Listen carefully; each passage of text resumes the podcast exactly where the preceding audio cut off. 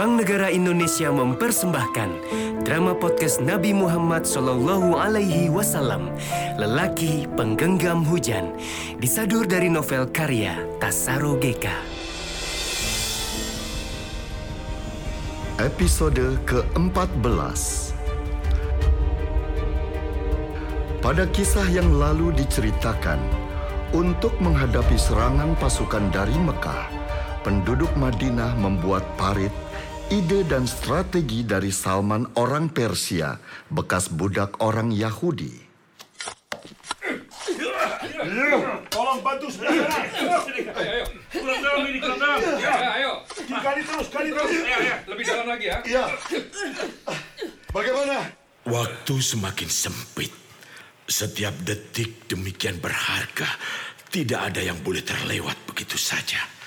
Hmm. Alangkah berarti suatu sistem yang kini telah banyak merebut hati umat Islam.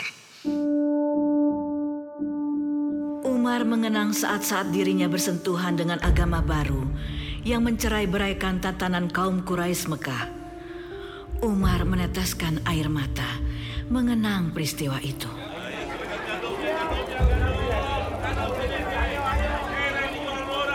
Para penentangmu di Mekah begitu jengkel dan marah. Abu Jahal, sebagai seorang yang sangat membencimu, adalah tokoh tua di Mekah. Sedangkan dari kalangan kaum muda, Umarlah yang sampai hati melakukan tekanan terhadap Muslim yang saat itu jumlahnya tidak seberapa.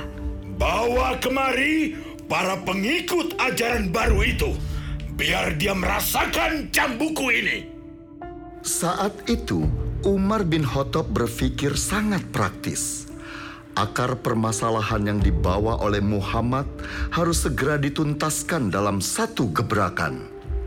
Sebelum semua menjadi terlalu jauh, maka hari itu Umar keluar dari rumahnya untuk menuju Bukit Safa karena di sanalah sang penebar agama baru itu berada. Baru saja dia melangkahkan kakinya keluar rumah, Nuaim bin Abdullah mencegatnya. Mau ke mana engkau saudaraku Umar? Nuaim tahu watak Umar dan dia mengambil kesimpulan bahwa Umar akan mencari dan membunuhmu. Untuk itulah Nuaim berusaha mencegahnya. Karena Nuaim adalah salah satu penduduk Mekah yang telah bersyahadat padamu dan meyakini ajaranmu. Tetapi di hadapan Umar, dia tidak berani berterus terang bahwa dia telah meninggalkan ajaran nenek moyangnya yang menyembah berhala. Aku hendak mencari Muhammad. Aku harus membalas dendam karena dia telah memecah belah kaum Quraisy menjadi dua golongan. Aku akan membunuhnya. Umar, mengapa engkau tidak pergi terlebih dahulu pada keluargamu dan membereskan urusanmu? Ada apa dengan keluargaku? Hmm? Saudara iparmu Said dan saudara perempuanmu Fatimah. Kenapa dengan mereka? Sebenarnya Nuaim hanya mengulur waktu agar Umar tidak segera mendatangimu. Wahai sang pemimpin umat, Nuaim membayangkan apa yang akan menimpa pasangan suami istri Said dan Fatimah. Namun keselamatanmu lebih diutamakan daripada pasangan suami istri itu. Said dan Fatimah telah menjadi pengikut agama Muhammad. Jika engkau membiarkan mereka, maka martabatmu akan jatuh. Wajah Umar semakin gelap. Tanpa sepatah kata pun, dia membalikan badannya meninggalkan Nuaim. Sekarang tujuan langkah Umar berpindah. Muhammad menjadi nomor dua. Sesampai di depan pintu rumah saudaranya itu, dari dalam rumah terdengar bunyi kalimat yang unik yang dikumandangkan sayup-sayup dan terdengar dari balik pintu. Umar mendengar sesuatu yang asing yang belum pernah didengar seumur hidupnya.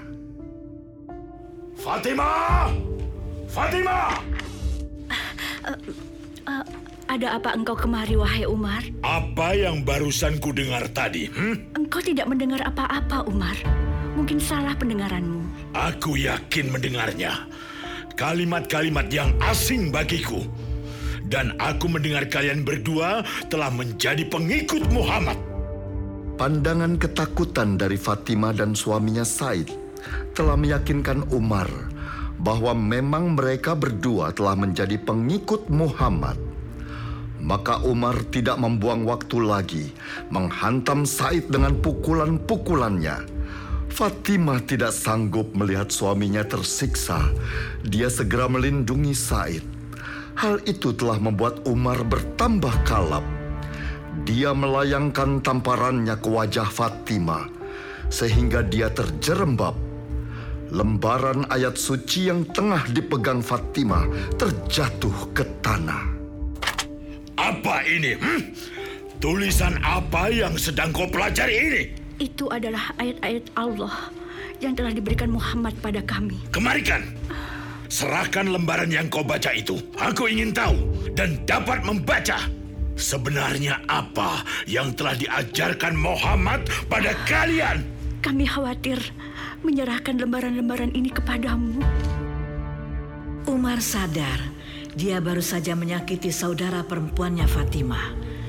Darah masih menetes di ujung bibir Fatimah. Terbayang ketika Fatimah masih kecil dan mungil yang lolos dari tradisi dikubur hidup-hidup bagi bayi perempuan bangsa Quraisy, tradisi yang telah mengakar bagi kaum penyembah berhala itu. Umar sangat menyayangi Fatimah. Kami telah beriman kepada Allah dan Rasulnya. Sekarang, lakukanlah apa yang kau inginkan. Ajaran macam apakah yang mampu membuat perubahan pada banyak orang? Bahkan terhadap Fatimah yang mendapat didikan yang sama denganku. Kenapa Fatimah juga bisa terbawa dengan ajarannya Muhammad itu? Kemarikan lembaran itu. Jangan takut. Aku akan mengembalikannya setelah aku membacanya. Engkau tidak suci. Lembaran ini hanya boleh disentuh oleh orang yang telah suci. Tidak suci. Apalagi ini? Dalam ajaran kami, bila ingin membaca lembaran ini harus bersuci menggunakan air. Membasuh dirinya dengan air. Hmm, begitu. Sekarang di mana aku harus bersuci? Hmm? Di belakang masih ada air untuk bersuci dan membasuh dirimu. Setidaknya membebaskanmu dari perasaan amarah dan rasa ingin menghancurkan yang ada dalam hatimu. Baiklah. Bila ini keinginan atau semacam persyaratan untukku, aku akan membasuh diriku dengan air agar suci seperti yang kau katakan itu. Aku telah membasuh mukaku dan bersuci. Sekarang aku boleh membacanya. Fatimah menyerahkan lembaran di tangannya pada Umar. Umar meraihnya dengan hati-hati. Fatimah merasakan sesuatu berdesir dalam dadanya. Umar pun mulai membaca kalimat demi kalimat dari lembaran itu. Toha, kami tidak menurunkan Al-Quran ini kepadamu agar engkau menjadi susah, melainkan sebagai peringatan bagi orang yang takut. Diturunkan dari Allah yang menciptakan bumi dan langit yang tinggi, yang maha pengasih, yang bersembayam di atas aras. Umar merasakan sesuatu yang asing mendatangi dirinya. Seperti ada yang merambat dari ujung ubun-ubun, kemudian menyebar ke seluruh otot dan sendinya. Sejuk, seakan semacam penawar bagi setiap kebencian yang awalnya mengendap di dadanya. Sesungguhnya, aku ini adalah Allah. Tidak ada Tuhan selain aku. Maka sembahlah aku dan dirikanlah solat untuk mengingatku. Umar telah terbiasa dengan syair-syair indah yang pernah dibacanya. Tetapi seperti halnya para pendengar Al-Quran pada masa-masa awal, Umar tidak berhasil menemukan padanan kualitas dan keindahan kata-kata dalam kandungan Al-Quran. Betapa indah dan agungnya kata-kata ini. Kalimat yang baru diucapkan oleh Umar itu semacam tanda bagi seseorang yang bersembunyi di balik pojok rumah Fatimah. Dia Habab, seorang miskin dari Zuhrah yang selama ini selalu mendatangi rumah keluarga Fatimah dan membacakan Al-Quran kepada Said dan Fatimah. Habab tanpa rasa takut segera menghampiri Umar. Wahai Umar, aku berharap Allah memilihmu sesuai doa Nabi Muhammad yang kudengar kemarin. Beliau berdoa, Ya Allah, jayakan Islam dengan salah satu dari dua orang, Abu Al-Hakim bin Hisham atau Umar bin Khattab. Benarkah sang penerima kata-kata indah itu berdoa dan telah menyebut namaku dalam doanya?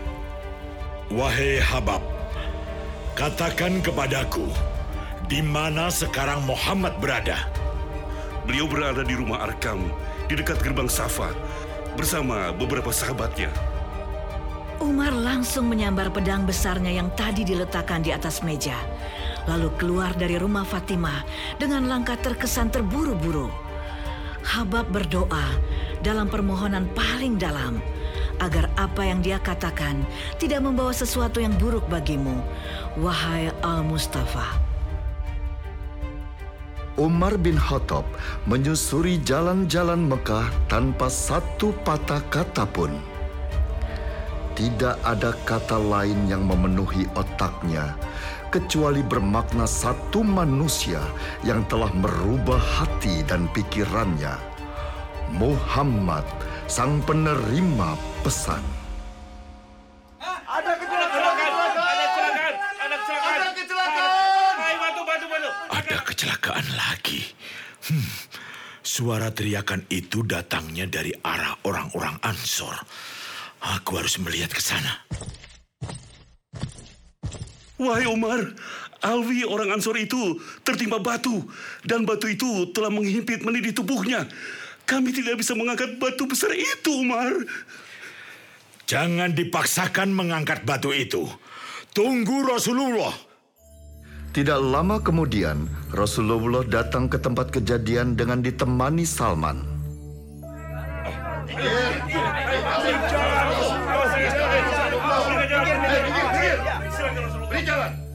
Sesuatu sedang dipertaruhkan. Rasulullah meminta pangkur pada seseorang.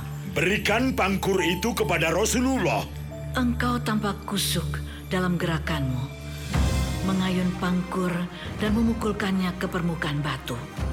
Benturan logam dan batu memercikkan kerlipan cahaya. Engkau membenturkan kembali pangkur itu ke permukaan batu untuk yang kedua kalinya.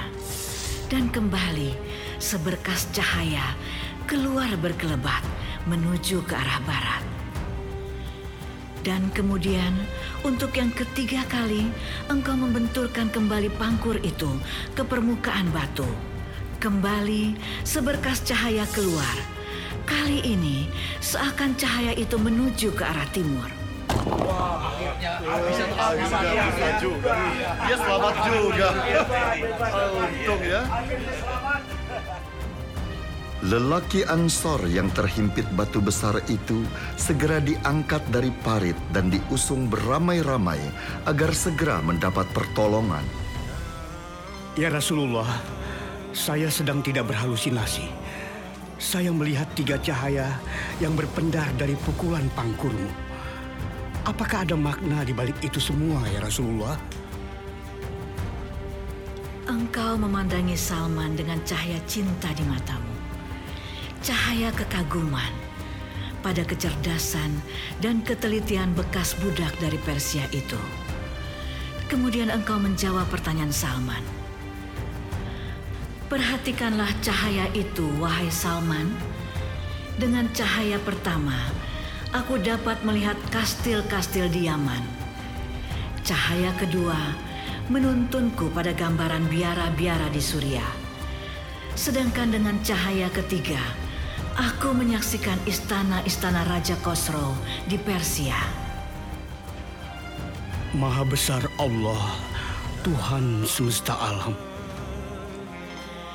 Dan engkau berkata lagi kepada Salman, Dengan cahaya pertama Allah membukakan pintu bagiku menuju Yaman. Dengan cahaya kedua terbuka jalan ke Suriah dan dunia barat. Sedangkan cahaya ketiga dibentangkan jalanku menuju ke arah timur. Nah, apakah pasukan Mekah akan dapat menjebol pertahanan penduduk Madinah? Drama podcast ini persembahan dari BNI. Sampai jumpa dan nantikan episode selanjutnya hanya di Spotify Podcastless dan YouTube BNI, Bank Negara Indonesia.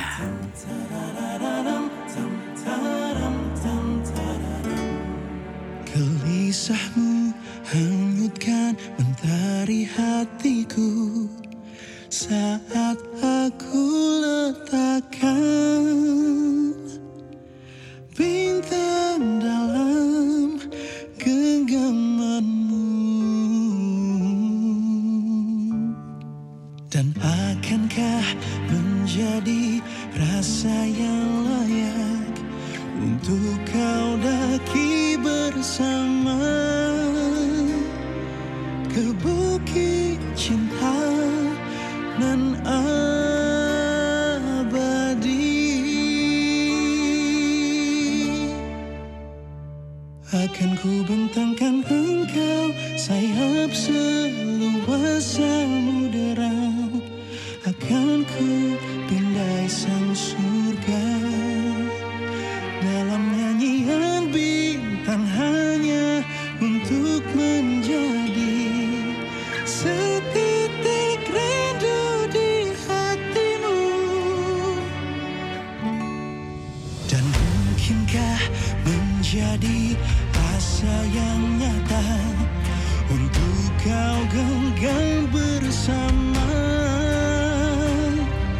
ke dalam